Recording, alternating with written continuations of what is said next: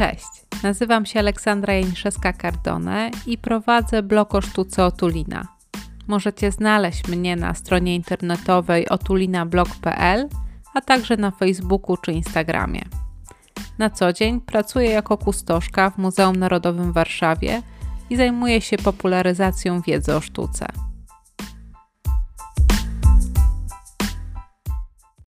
Witajcie. Ostatnim razem opowiedziałam Wam o dwóch portretach, które namalował Robert Campin, a być może ktoś z jego pracowni.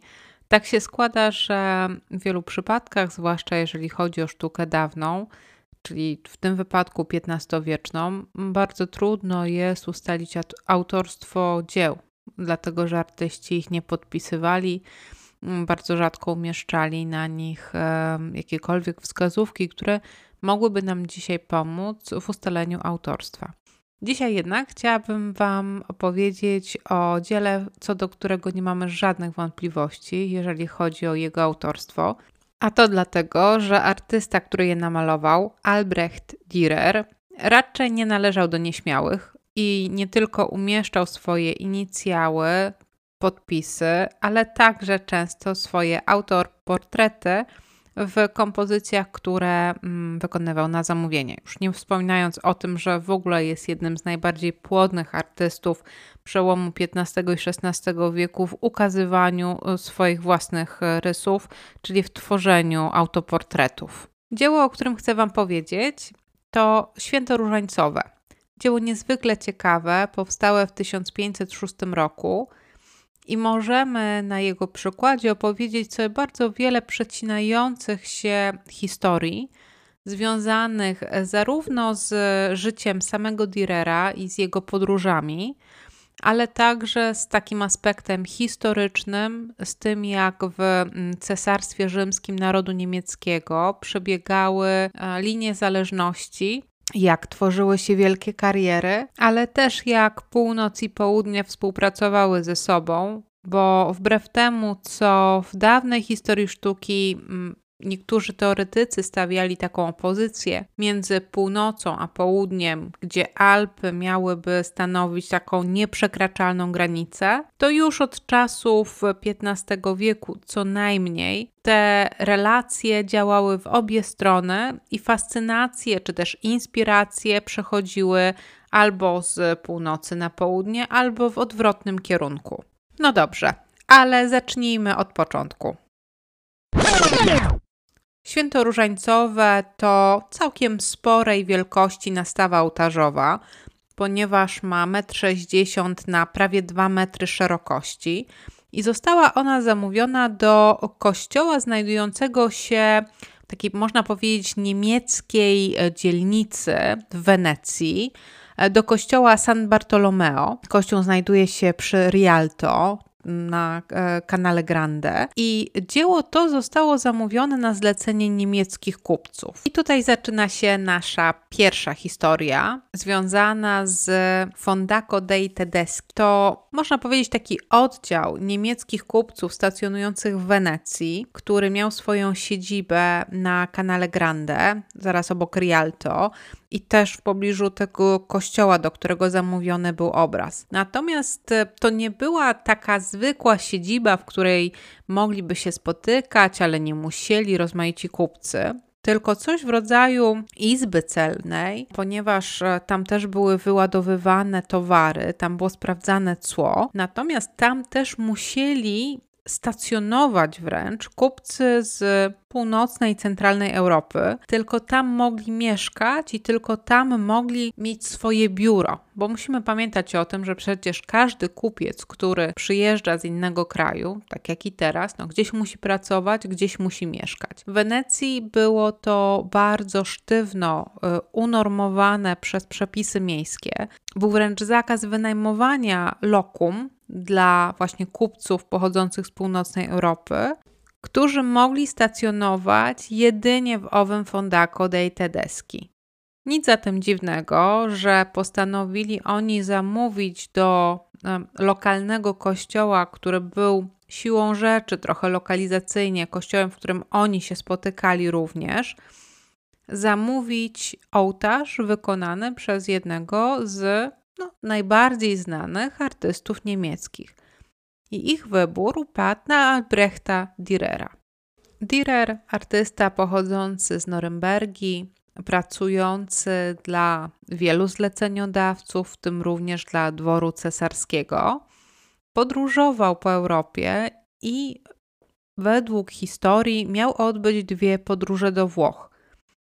Co do pierwszej, w latach 1494-95 są pewne wątpliwości, czy ona się odbyła. Natomiast wyprawa, która miała miejsce między 1505 a 1507 rokiem, zdecydowanie przyniosła duży wpływ e, na samą twórczość artysty, ale również wówczas namalował on owo dzieło, które przez 100 lat znajdowało się w kościele San Bartolomeo. Tutaj myślę, że warto też powiedzieć o tym, że Dürer gdziekolwiek nie pojechał, gdziekolwiek się nie pojawił, niezależnie od tego, mm, na, jakiej, na jakim etapie jego kariery to miało miejsce, prowadził bardzo silną promocję własnej twórczości, a to poprzez rycinę. Ponieważ tworzył on liczne ryciny, był artystą, który wskrzesił niejako sztukę drzeworytu i też świetnie opanował sztukę miedziorytu. I te ryciny albo ofiarowywał w prezencie, jeżeli miał taki kaprys, albo je sprzedawał. I wszystkie te transakcje skrupulatnie zapisywał w swoich notatnikach. Dzięki temu wiemy, jak wyglądał ten obrót dziełami sztuki, które Dürer tworzył. Podobna sytuacja miała podczas jego pobytu we Włoszech i dzięki temu wiele z jego kompozycji rozpowszechniło się również w tych kręgach włoskich i artyści włoscy, chociaż oczywiście mieli też swoich e, świetnych współbratymców do współzawodniczenia oczywiście artystycznego, ale również naśladowali kompozycje Dürera. Święto różańcowe, namalowane przez Dürera, reprezentuje taką wizję idealnych obchodów święta przez Bractwo Różańcowe. Tutaj taka uwaga na marginesie, samo święto różańcowe jako wydarzenie zostało ustalone dużo później, więc to jest nazwa zwyczajowa. A to, co oglądamy, jest wyobrażeniem idealnego obcowania członków Bractwa Różańcowego z przedmiotem swojego kultu. Ale do brzegu. Jak wygląda kompozycja? Po środku zasiada Madonna, tronująca z dzieciątkiem na kolanach. I ona i dzieciątko mają wieńce z róż w dłoniach. Madonna nakłada ten wieniec mężczyźnie, który klęczy po jej lewej stronie. Natomiast e, dzieciątko szykuje się, żeby ukoronować mężczyznę klęczącego z kolei po stronie prawej. Nad nimi unoszą się aniołowie trzymający koronę, i to jest też scena takiego najwyższego hołdu składanego Marii, no, ponieważ doświadczamy też jej koronacji. Po tej stronie naszej lewej widzimy jeszcze świętego Dominika, który również nakłada wieniec różany kolejnemu mężczyźnie klęczącemu w tyle. I teraz to, co oglądamy, to kompozycja, tak można powiedzieć, bardzo symetrycznie zakomponowana, przynajmniej w swojej centralnej części, ponieważ zarówno Madonna, jak i tych dwóch klęczących mężczyzn na pierwszym planie tworzą taki idealny trójkąt. Za nimi z kolei w tle nieco klęczą pozostali ich towarzysze. Myślę, że to już jest teraz moment, że możemy ich sobie nazwać. Po lewej stronie kompozycji mamy duchowieństwo, na czele którego ukazany jest papież, ale bez tiary.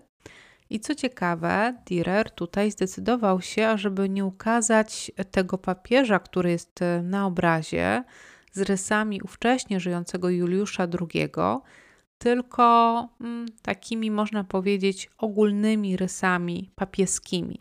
A to dlatego, że w owym czasie Wenecja i papiestwo mieli e, zatargi, prowadzili wojnę.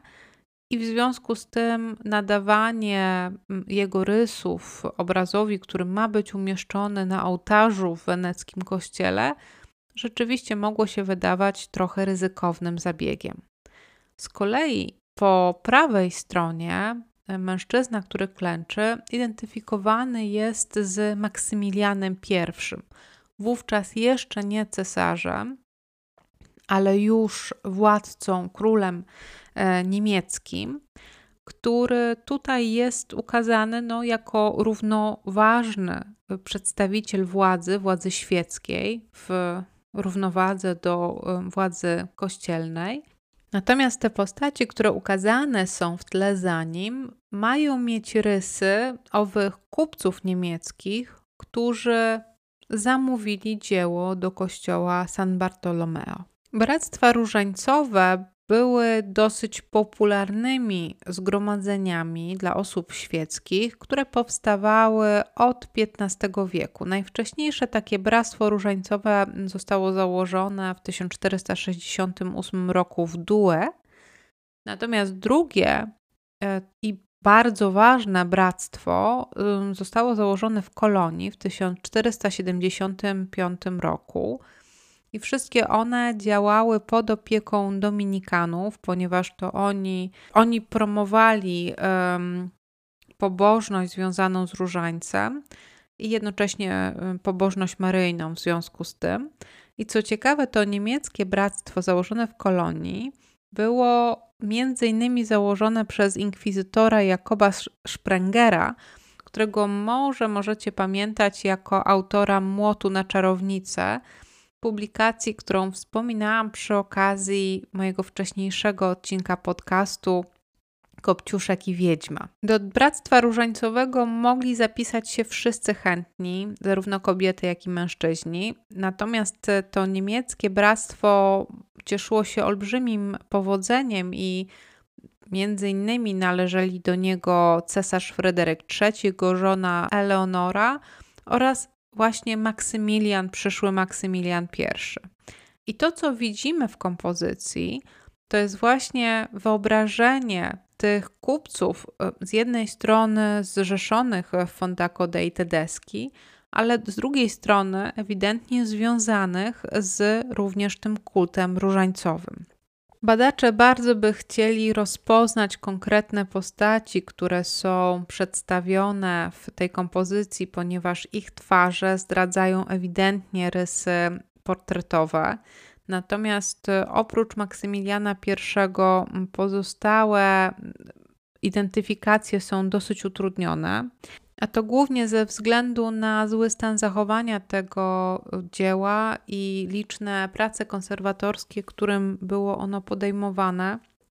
I ostatnia taka mm, spora konserwacja mająca miejsce e, w połowie XIX wieku, która niestety sprawiła, że zarówno niektóre części kompozycji nie są czytelne, jak również niektóre z nich zupełnie zniknęły ale do tego jeszcze wrócę. Drugą postacią, co do której nie możemy mieć wątpliwości, jeżeli chodzi o jej portret, to oczywiście Albrecht Dürer, który umieścił swoją podobiznę pośród członków tego niemieckiego stowarzyszenia. I oprócz tego, że no, możemy go rozpoznać po jego bardzo charakterystycznych rysach twarzy, to jeszcze trzyma on taką kartę, na której wypisane są, można powiedzieć, słowa jego pochwały samego siebie oczywiście, że dzieło to zostało wykonane w ciągu pięciu miesięcy i dalej mamy jego podpis oraz datę 1506 rok.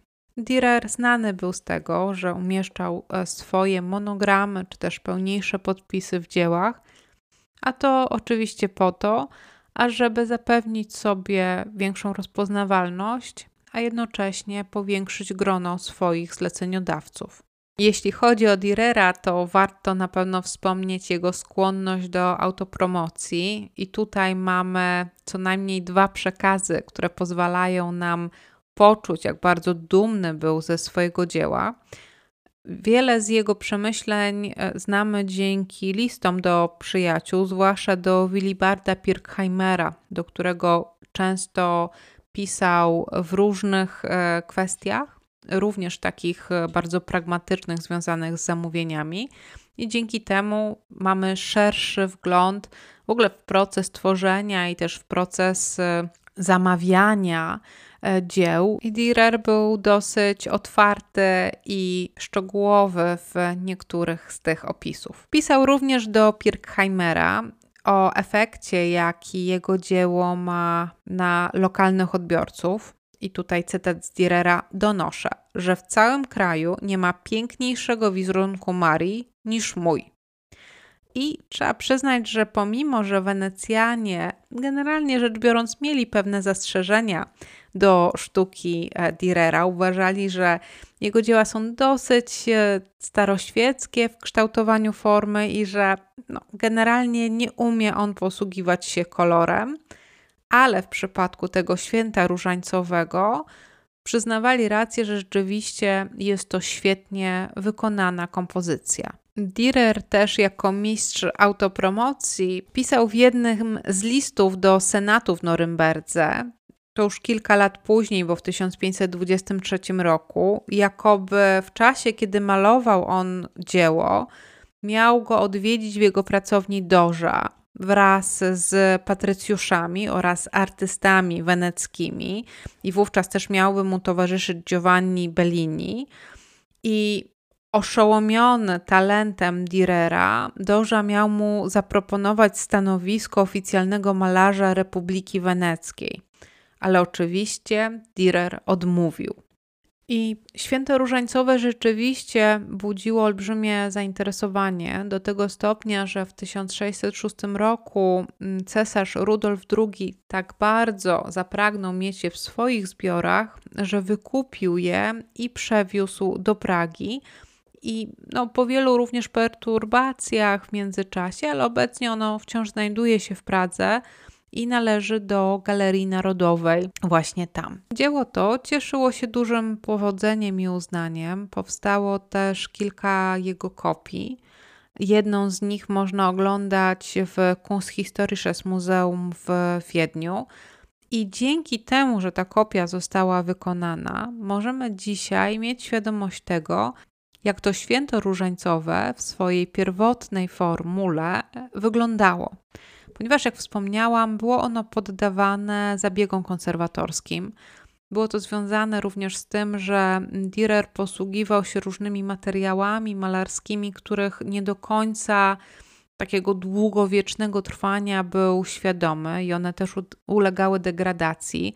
Musimy pamiętać, że wszystkie farby, wszystkie materiały, jakimi artyści się posługiwali niegdyś, były wytwarzane um, indywidualnie. To nie były farby, które miały atesty, to nie były farby, które można było pójść i kupić jej konsystencja, skład chemiczny, jej też wytrzymałość były niewiadomą.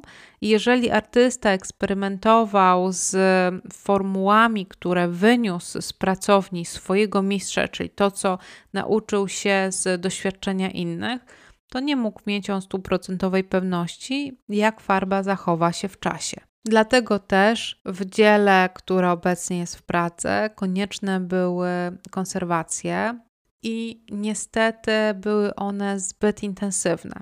Między innymi sprawiły one, że zmyte zostały wierzchnie warstwy laserunków, wierzchnie warstwy w ogóle kompozycji, ponieważ malarstwo olejne może być malowane wielowarstwowo, w związku z czym to, co widzimy, jest efektem nakładania się poszczególnych warstw malarskich. I jednym z takich elementów, który niestety został zmyty, była mucha, która siedziała na kolanie Madonny, najbardziej eksponowanym miejscu kompozycji. Czemu Dürer umieścił muchę w samym środku kompozycji?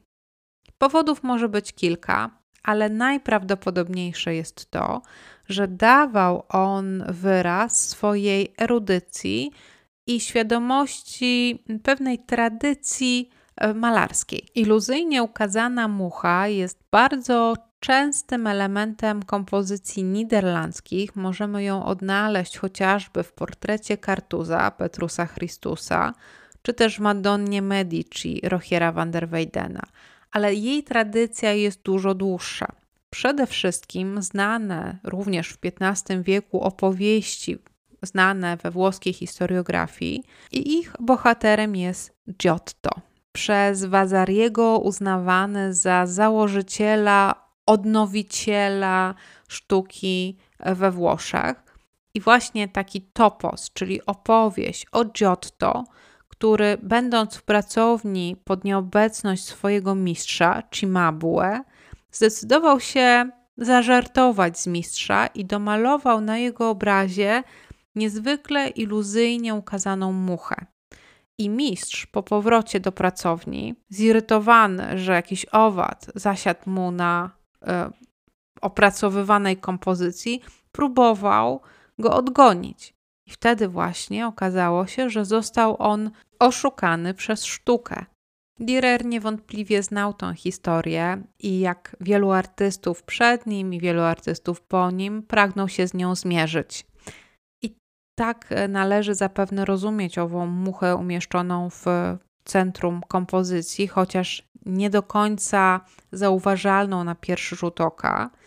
Niektórzy podnoszą też, że mucha jako owad, no, żerujący na nieczystościach, miałaby być symbolem zła, miałaby być symbolem Belzebuba jako władcy much. Tutaj zostawmy tą e, głęboką interpretację, natomiast zdecydowanie, jeżeli chodzi o taki zabieg artystyczny, ukazujący kunszt artysty, to właśnie ukazywanie tej muchy stanowiło dla artystów wyzwanie przez stulecia. Na koniec chciałabym Wam opowiedzieć jeszcze o bardzo ważnej postaci ówczesnych czasów, choć nie przedstawionej w tym dziele, to zasygnalizowanej przez jedną z postaci ukazanych po prawej stronie pośród owych kupców niemieckich, i którzy nawet chcą widzieć w nim portret owego mężczyzny, o którym mówię, czyli Jakoba Fugera. Fuger urodził się w połowie XV wieku i był niezwykle pracowitą postacią, która z, wraz ze swoimi braćmi z biznesu opartego na handlu bawełną z, z Włochami stworzyła imperium bankowe wspierające w rozmaitych staraniach m.in. Maksymiliana I, cesarza rzymskiego, czy też jego wnuka Karola V. Więc możemy sobie wyobrazić skalę bogactwa, jaką Fugger posiadał, jeżeli był w stanie udzielać pożyczek na rozmaite działania cesarzom niemieckim. Kariera Fuggera rozpoczęła się w Wenecji. To tutaj rozpoczął on swoje kształcenie w fachu kupieckim i tutaj też spędził sporo czasu ponieważ no, oprócz tego, że był bankierem, był również kupcem, ale także prowadził mennicę i miał prawo do wydobywania srebra i miedzi.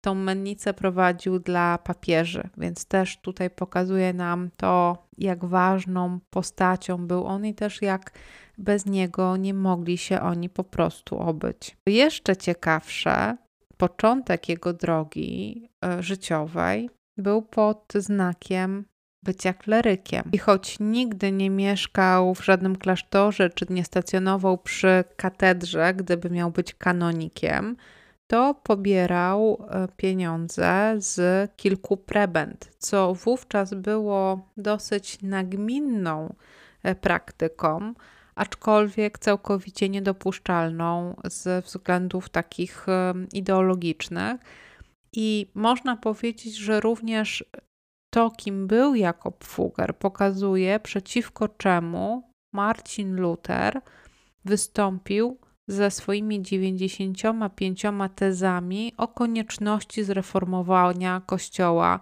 rzymskiego. W niektórych interpretacjach zamówienia na ten obraz wskazywany jest również jego, Fugera, dosyć e, ważny udział w, w ogóle zainicjowaniu pomysłu na zamówienie dzieła do tego kościoła niemieckiego w Wenecji. I tak oto Dürer na ołtarzu w weneckim kościele umieścił postaci papieża i cesarza, którzy są koronowani przez e, Matkę Boską, a zatem można powiedzieć, są wywyższeni spośród wszystkich żyjących, chociaż przecież ukazani w gronie innych członków Bractwa Różańcowego. Można powiedzieć, że Dürer był świetnym politykiem i dyplomatą w tworzeniu tej kompozycji, ponieważ chciał schlebić też wszystkim, którzy zostali ukazani w otoczeniu tych dwóch najważniejszych graczy sceny politycznej w Europie. Pomimo, że dzisiaj mamy trudności z rozpoznaniem tożsamości poszczególnych tych kupców, przedsiębiorców zrzeszonych w Fondaco dei Tedeschi, to przecież oni wówczas nie mieli problemu z rozpoznaniem własnych twarzy i niewątpliwie widok samych siebie w otoczeniu cesarskim sprawiał im olbrzymią satysfakcję. To też uświadamia nam, że sztuka propagandowa, czy też propaganda w sztuce jest e, czynnikiem starym jak świat i niczym nowym nie jest właśnie wykorzystywanie mm, twórczości nawet bardzo znanych artystów do budowania sojuszy czy też do wzmacniania swojego wizerunku. Wydaje mi się, że dla nas to, co jest najciekawsze w tym obrazie, to cieszenie się piękną rzeczywiście kolorystyką tego dzieła, która wiele zawdzięcza inspiracją, jakie Dürer wyniósł ze sztuki weneckiej, którą miał okazję zaobserwować samodzielnie podczas swojego pobytu właśnie w tym mieście.